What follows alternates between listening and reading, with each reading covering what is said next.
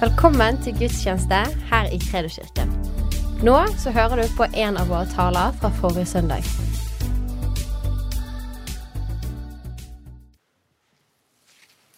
Halleluja. Er du glad for at Gud er trofast? Han er trofast mot oss som enkeltpersoner, han er trofast mot våre familier, han er trofast mot våre, vår menighet. Takk skal du ha, Vidar. Jeg tror det Amen. Det er det vi forbereder oss på. Herren bare minner oss på det. Vi forbereder oss. Og Litt av det jeg skal tale om i dag, handler om også det å være forberedt.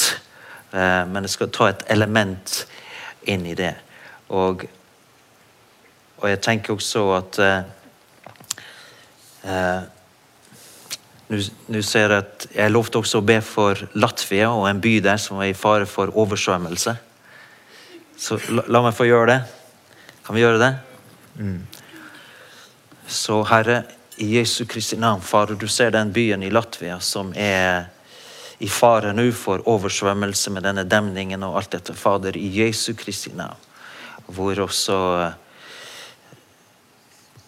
Alex sin familie. Fader, i Jesu Kristi navn, vi bare ber, Herre, om din eh, beskyttelse og ditt vern. Hjelp dem å finne løsninger, sånn at de kan unngå denne katastrofen. Fader, i Jesu Kristi Nazarens navn, Herre. Takk for, for dette regnet skal stoppe, Herre. Og denne, denne faren, Herre, vi skal klare å avverge den. Fader, jeg ber om det, Herre, i ditt dyrebare, mektige navn. I Jesu Kristi navn. Amen. Yes. Tilbake igjen til, til det vi snakker om. Altså, det er noe som eh, jeg har tenkt på grunner på den uka som, som har vært der. Og det er noe som jeg opplevde som ung mann. Så, eh, og begynte å kjenne på dette med framtidsdrømmer og kall. Og jeg ble bokstavelig talt overraska av Den hellige ånd i Bodø domkirke. Jeg ante ikke at Gud var virkelig på den måten at han, at han kunne komme med ild. Det var som ei ildkule som gikk gjennom hodet og kroppen på meg. Han snudde opp ned på tankene mine på sekunder. Jeg ble fylt med en sånn helt, helt utenomvertslig glede. Jeg var så hysterisk glad. Og jeg ante ikke at det eksisterte noe sånt. Og jeg kjente på en måte I et øyeblikk så skjønner jeg Gud elsker meg. Jeg hadde ikke skjønt det før, selv om jeg hadde hørt om Jesus og hjemme og på leir og i kirka. Jeg hadde ikke skjønt at Gud elsker meg. Gud, min far. Det var en revolusjon. Og når jeg blir glad, så liker jeg å løpe. Så jeg for ut av kirka, Bodø domkirke, og sprang bort gjennom parken. Bare i, i urglede over et eller annet som hadde skjedd. Det var helt fantastisk. Og så Etter det så begynte liksom jeg å oppleve at Gud talte, Gud leda, leste Bibelen. Plutselig var denne boka så levende. Alt var spennende. Fra perm til perm. altså. Fram og tilbake, opp og ned. Det var så spennende. Plutselig skjønte jeg liksom mer av det som sto her. Før hadde jeg vært livredd for denne boka. her. Jeg hadde fått en, en, svart bibel til konfirmasjon, og den sto i bokhylla mi. Men jeg turte ikke å åpne den, for jeg var redd for det hva den kom til å si til meg. Derfor så sto den i, opp, sto den i bokhylla. Og det ble jo, De ble jo forskrekka hjemme, for de syntes at denne ungdommen begynte å forandre seg. Han ble så radikal. Men Jeg ble så nidkjær for Gud og Guds rike og begynte også å be for syke. og så folk ble helbreda. Det var, var jo helt ukjent. Og etter seks måneder så begynte med tungetale. Det var jo ingen i min krets som holdt på med det. Så det var så mye som skjedde. Men parallelt med denne voldsomme forandringen og revolusjonen av å oppdage den levende Gud, så ganske umiddelbart så husker jeg hvordan, eh, hvordan eh, Jeg gjenkjenner jo det i dag. Den hellige ånd begynte å, å snakke til meg. Så sa det jeg vil at du skal gå gjennom hele Bibelen, så skal du for hånd skrive ned alle bibelvers som handler om Guds frykt. For jeg skal bevare deg fra Jeg vil at du skal fullføre hele livet og tjene meg. Så jeg husker det at jeg satt på en måte og gikk, gikk igjen med Den gangen var det liksom bibelordbok. Det var liksom ikke så enkelt som vi har det i dag med data. Vers for vers, vers for vers. Skrev det ned for hånd. For På en eller annen måte så skjønte jeg det her kommer til å berge livet ditt og tjenesten din. Så få dette inn med en gang.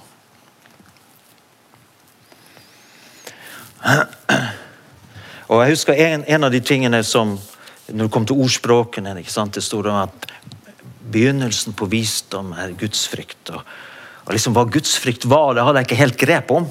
Det kunne jo liksom være litt, litt, sånn For det var ingen som underviste om det, eller som forklarte det i de kretsene jeg var i. Men jeg skjønte at det var viktig. For jeg skjønte Det var begynnelsen på kunnskap, begynnelsen på altså Veien til visdom går gjennom gudsfrykt. ikke sant? Og Så kom jeg til ordspråkene 8-13, så sto det «Eh, Guds frykt er å hate det onde. What? Guds frykt er ikke det å elske Jesus. Nei, det står Guds frykt er å hate det onde, står det der. Så er det å elske Jesus også. Men det er interessant.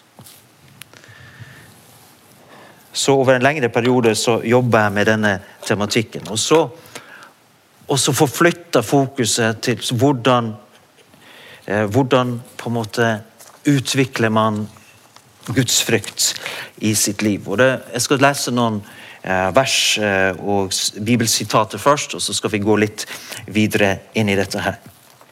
Salme 34, skal vi lese fra vers 12, så står det Kom hit, barn Hør på meg, jeg vil lære dere frykt for Herren. Hva er en sånn kommentar? Lære dere frykt for Herren. Er du en som har glede av livet, som elsker og ser gode dager? Eller jeg har kalt preken 'Vil du leve det gode liv'? Hold da tungen borte fra det som er ondt, og leppene borte fra svikefull tale. Vend deg bort fra det onde og gjør det gode. Søk fred og jag etter den. Herrens øyne følger de rettferdige, hans øre lytter til deres rop. I 1. Timoteus 4, eh, vers 7 og 8, så står det eh, Men vis fra deg de ugudelige mytene. og Da snakker han om også, for, I foranledningen snakker han om de, det var press på dem fordi at de skulle var, de skulle avstå fra visse typer mat, og så var det noen som mente de at de ikke fikk lov å gifte seg. Det var all slags lærer som de måtte forholde seg til. Men så sa han det at hold borte alle disse mytene om utvendige ting, om alt som har med lover og regler og bud og religion å gjøre. Det var mitt tillegg. Men han sier øv deg heller i Guds frykt. Glem alt det der styret, religiøse svadaer. Øv deg i Guds frykt. For kroppslig øving er nyttig til noe, så det hjelper å trene. Det er viktig å trene. Men Guds frykt er nyttig til alt. Det hørtes bra ut. Jeg mener, Hvis du kan kjøpe et vaskemiddel som fungerer på alt, så tar du jo det istedenfor et vaskemiddel som bare funker på oppvasken. Altså, det er bra å trene, men gudsfrykt det er nyttig til absolutt alt.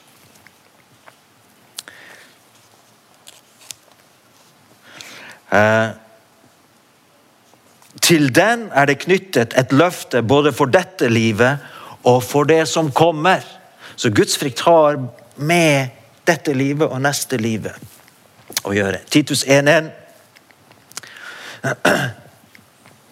Utsendt for å føre Guds utvalgte til tro og til erkjennelse av den sannhet som gir gudsfrykt og håp om evig liv. Sannhet som gir gudsfrykt. Så gudsfrykt er altså kobla til sannhet. Og et håp om evig liv. Eh, Timoteus 3, 16, i begynnelsen der. Samstemt kjenner vi at gudsfryktens mysterium er stor. Så Bibelen erkjenner det er et mysterium. Hvorfor det er bra å frykte Gud. For vi kjenner han jo som den elskede far som elsker oss, som sendte sin sønn, som ga sitt liv, som elsker oss så høyt, så han elsker hans dyrebare barn. Ikke sant? Men der er og, vi må ta Bibelen på alvor. Han sier det, det er noe som er essensielt. Og det, det, er på en måte et mysterium. Men i det at du elsker Gud, så frykter han også. Øv deg i å frykte han. Og da snakker vi ikke om la meg si det med en gang, da snakker vi jo ikke om en frykt som trekker deg bort ifra Gud. Som gjør at du har en redsel for han på en på en gal måte. Men det er en form for dyp, dyp, dyp, dyp respekt og inderlig Du bare skjønner at han er hellig. Du bare skjønner det at hans ord er det som kommer til å bevare meg, og som gir meg liv. Du bare, når du fristelsen kommer, når prøvelsen kommer, så er faktisk gudsfrykten da er det ikke kjærligheten til Gud bare, men det er den gudsfrykten som berger det. Når Josef kastet av seg kappen og rømte fra Potifars hustru, så var det gudsfrykten. Han skjønte jeg, ikke, jeg må ikke et øyeblikk utsette meg for denne fristelsen. Han bare reagerte spontant. Om det så Og vi vet prisen han betalte. Han havna i fengsel. Han ble misforstått. Han ble løyet på. Men for han var det viktigere å bevare seg innenfor Gud enn å bli gi etter for menneskers press og menneskers lurerier. Det var så viktig for ham.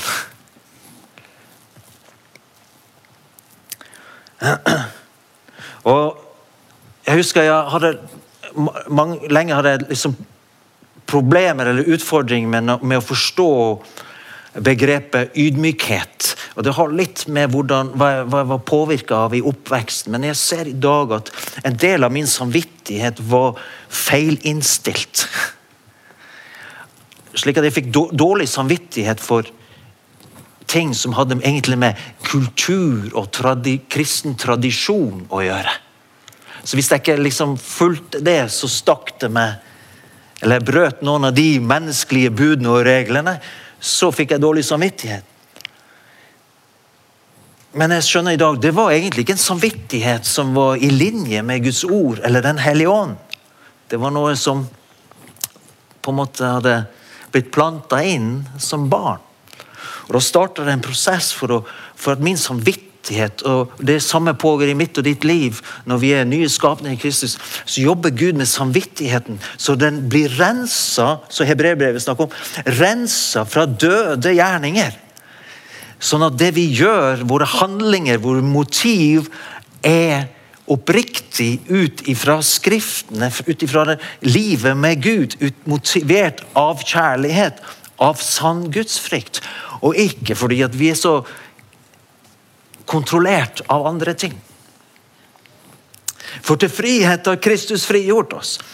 Og den sanne gudsfrykten setter oss i frihet.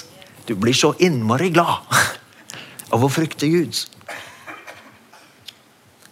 Hørtes det rart ut? Nei, det er sant. For den som opplever det og erfarer det, og Jeg husker en gang jeg var så fortvilt fordi at jeg følte det at Å, Gud, hvorfor snakker du ikke til meg? Å, Gud, nå har det vært så stille så lenge. Ikke sant? Vi var, vi var veldig ivrige etter å høre Den hellige ånds stemme. Og så plutselig en sesong så ble, følte jeg ble helt stille. Altså. Det ble så tyst. Jeg var liksom Å, Gud, hvor er du hen? Å, Gud, hva er, det, hva er galt i livet mitt? liksom? Hvorfor snakker du ikke til meg, Gud? Og så Den hellige ånd, Av og til så kan han være streng, skjønner du. Han har litt sånn myndig stemme. Og han snakka Og da Jeg satt i hytte på Fijiøyene med med bambustak og stråhytte. Og med på ei matte der, ba i en time. Gud snakk til meg! Gud snakk til meg! Og Det gikk en time. Det var, føltes som nei, Gud er langt borte. Han har glemt meg. Ba en time til. Gud, snakk til meg, snakk til meg. Skjedde ingenting. Og så plutselig så hører jeg en røst. Ikke, ikke hør bare, men sånn veldig tydelig inni meg. Han var streng. Han korrigerte meg. Sånn, Hvorfor sitter du her og ber meg om å snakke til deg? Gå og les det jeg allerede har sagt! Oi. Jeg kjente liksom Det, det stakk meg. Selvfølgelig. Å, beklager, Herre. Ja, så jeg skjønte gå og studer boka. Gå og studer mitt ord. Bli kjent med ordet mitt.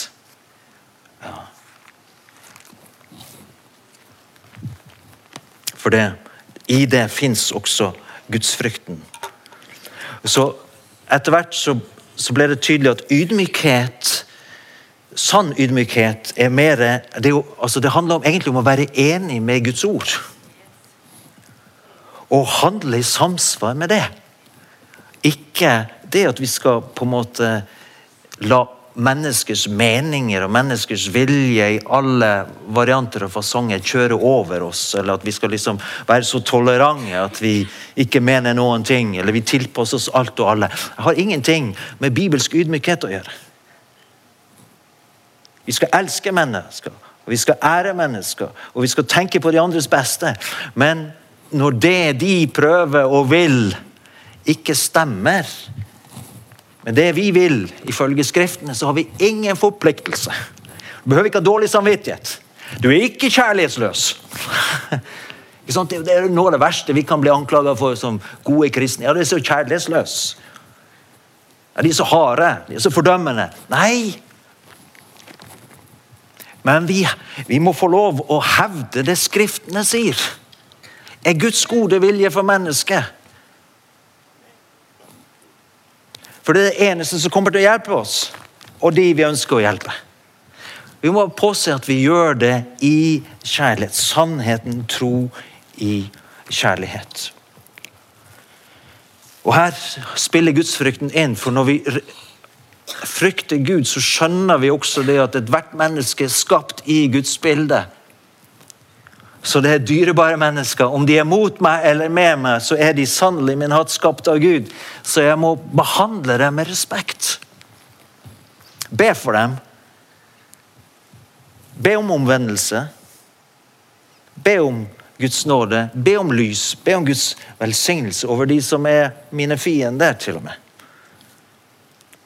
sier Bibelen. Og det klarer vi bare å gjøre hvis vi dypt, dypt innerst inne forstår at hvert menneske er skapt av Gud, elsker Gud. Jesus døde for hver enkel. Og om mulig, står det, at Gud vil gi dem omvendelse, at de kan komme til sannhetens erkjennelse. Det er heldigvis ikke vår dom hvem som kommer til himmelen og ikke. Men, men Korinterbrevet sier veldig tydelig at vi, må, vi, vi, vi, er nødt til å dømme handlinger. Bedømme det og si at dette er rett, dette er galt. Og vi må være veldig tydelige. Vi må stå imot det onde. Vi må stå imot de onde kreftene. Og ved Guds nåde stå imot synden som lokker og drar i oss. Yes.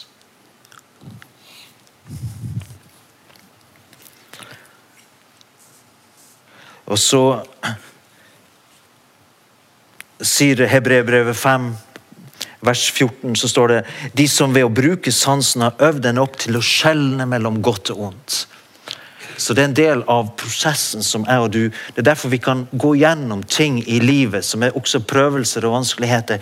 Men det hjelper oss, oppøver oss i Guds frykt. Og det hjelper oss til å lære oss å skille på godt og ondt. Hvordan kan jeg leve i tilgivelse når ting går meg imot? Når noen gjør meg vondt? Hvordan klarer jeg å gi slipp?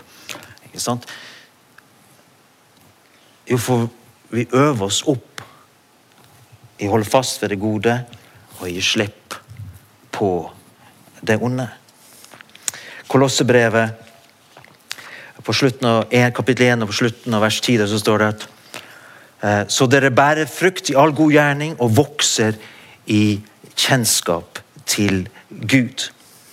Jeg skal avslutte veldig fort med å, å si at det er et spørsmål som jeg og du kan stille oss når vi står overfor valg, når vi står overfor prøvelser, muligheter. Eh, og det er Hva gir Gud ære i denne situasjonen?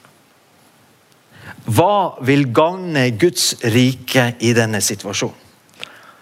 Vil det gagne Guds rike at jeg Hva skal jeg si I full Utøse mine følelser, utøse min frustrasjon, utøse uh, mitt beste selvforsvar? Eller er det bedre for i denne situasjonen at jeg heller er litt stille og holder munn? Og la Gud ta hånd om saken? Ikke sant? Altså, Vi må stille oss spørsmål når skal jeg tale, når skal jeg tie. Noen ganger er det riktig å tale. Noen ganger er det riktig. Men da pass på at, at hjertet at, får, at du får snakka og landa i ditt hjerte og sier at dette kan jeg gjøre med god samvittighet. Dette kan jeg faktisk gjøre med kjærligheten. Sannheten tro i kjærlighet. Dette er nødvendig for at Guds rike skal gå fram, og for at dette skal føre til at Gud får ære. La mennesket være en løgner, la Gud være sann. Det er Gud som syvende og sist har sannheten. Den har ikke full og hele sannheten. Den, den er det Gud som har. Og Det første vi skal ære Gud med, jeg og du, det er at vi sier ja til den vi er. Den Gud har skapt deg den, den personligheten du har, den kroppen du har. Si ja, takk, amen! Som den gutten, som den jenta, som den mann, som den kvinnen du er. Takk Gud, og gi han ære med den du er. For du er skapt i Guds bilde. Så basic, egentlig. Der starter vi med å ære Gud. Ja, han har skapt meg, han har gitt meg livet, og jeg er den jeg er. Så skal jeg Er det masse å lære om det? Hva det vil si å være menneske, hva det vil si å være kvinne, hva det vil si å være mann. Men jeg skal ære Gud som mann eller som kvinne.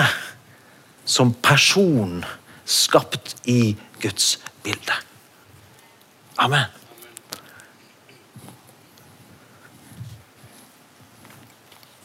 Det andre jeg vil si det er at vi ærer Gud eh, med våre ord. Og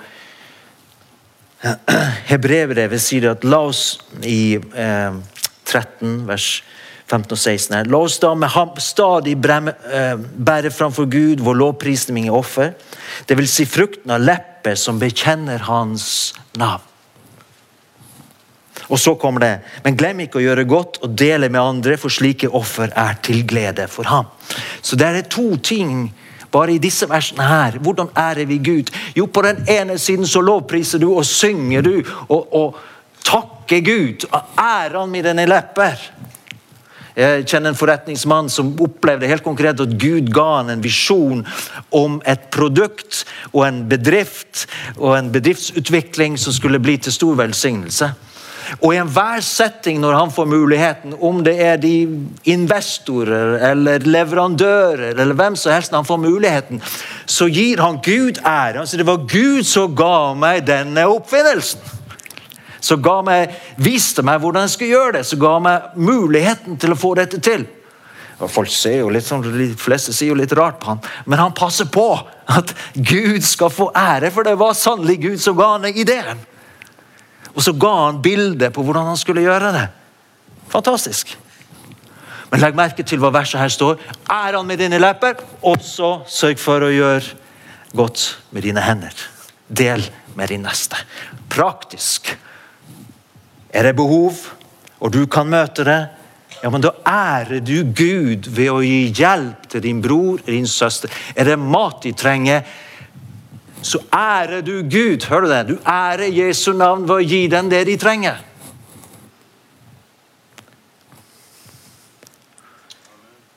Amen. Det bringer ære til Guds navn. Og så står det i 1. Peter 4, 10, 11.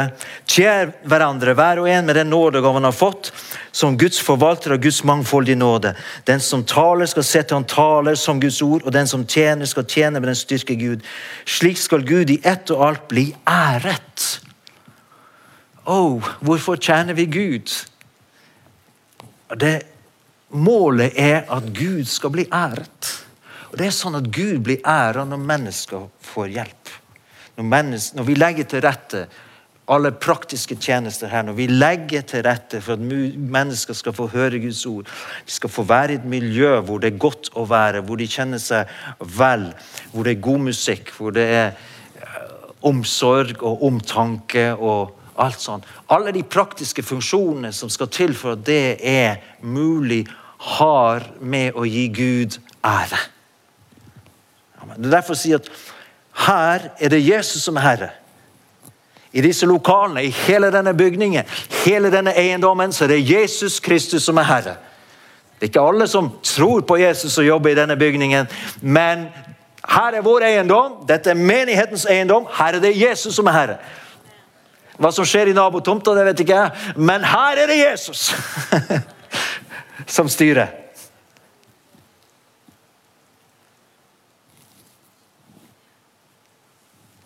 Vi vil gi han ære med alt vi har, med alle våre ressurser, med alle våre eiendommer. Hvis det fører til at Gud får ære, så takk og lov. Da har det en hensikt.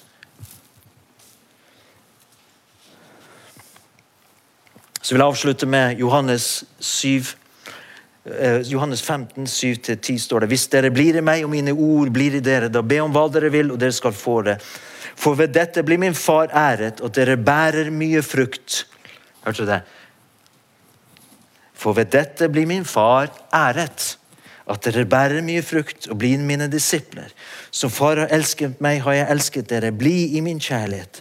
Hvis dere holder mine bud, blir dere i min kjærlighet. Og jeg skal holde min fars bud og bli i hans kjærlighet. Jeg syns det er helt fantastisk, det her. Vet du da? Når du skjønner det at du har fått gaver og talenter, og du er den beste versjonen av deg sjøl, og når du utvikler de gavene og de talentene som Gud har gitt deg, og det bærer frukt, så får faren din i himmelen for ære bare pass på at hjertet ikke tar æren til seg sjøl, men gi han ære med alt det du får til. Alt det vi har lykkes med, er det han som har lykkes med. Og Da holder du deg trygg på veien. Hvis du stiller deg det spørsmålet, justerer fra tid til annen Hvem får ære gjennom dette her? Ikke sant? Hvem tilhører æren? Skal vi anerkjenne hverandre? Skal vi verdsette hverandre? Og det du gjør mot en av den minste Guds barn og mennesker, det gjør du mot han, sier han. Så det vi gjør mot hverandre, har med å ære Gud å gjøre. Halleluja. Hvis vi holder det her kompasset, skal jeg love deg, det kommer til å gå bra. Han kommer til å beskytte oss mot alle feller og farer og greier som denne verden har med seg. Og de farer som finnes, kan også finnes i våre liv. Altså, vi er gjenfødt på, eh, født på nytt. Nye skapninger i Kristus Jesus. Og så har vi et kjød. Og hvis vi gir kjødet, gir kjødet rom, så vil det føre til synd eh, til slutt. Og det vil føre til død til slutt. Men hvis vi hele tida har som oppe i pannebrasken Neimen, fører dette til ære, Guds ære, så kan vi unngå så mye trøbbel. Hold oss på sporet. Halleluja. Og da, når vi tenker og velger og vurderer på denne måten, så vokser øver vi oss opp i Guds frykt. Og da vil du kjenne at jeg, det, er så, det er så deilig å frykte Gud. Han, han liker det. For han vet at det, at det er han som skal ha æren. Det er det ene. Men, det er jo, men jeg vet at det beskytter meg og deg også. Det hjelper oss å holde oss på veien. Halleluja. Har du lyst til å gå på veien? Fullføre løpet? Ja, det tror jeg vi, vi har lyst til, alle sammen. La oss øve oss i Guds frykt, står det. Halleluja. Skal vi synge eh, den herre 'Jeg vil gi deg ære'? Skal vi gjøre det?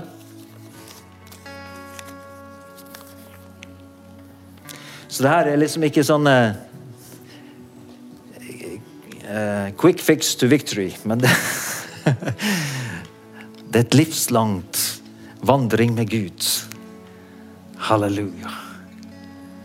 Hvor vi kommer til uh, skylleveier, vi kommer til fjell og daler. Hvis vi bevarer troen gudsfrykten, kjærligheten, første kjærligheten til Jesus, kommer vi til å komme igjennom og navigere. Komme igjennom alt. Så dette livet bærer med seg og fullføre vårt løp. Halleluja. Så kjære ungdommer, vil dere fullføre løpet? Yes, ta av dere det her. Kanskje du lurer på hva er det han prater om? Nei, men ta og Studer litt i Bibelen skal du få se hvor godt det er med å frykte Gud.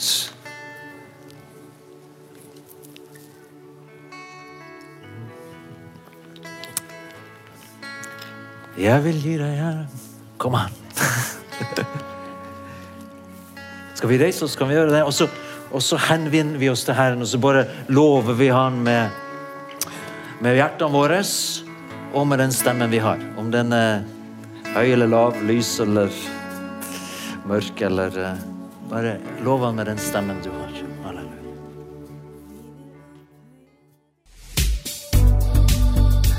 Tusen takk for at du lyttet. Følg oss gjerne på Instagram og Facebook, og så snakkes vi neste uke.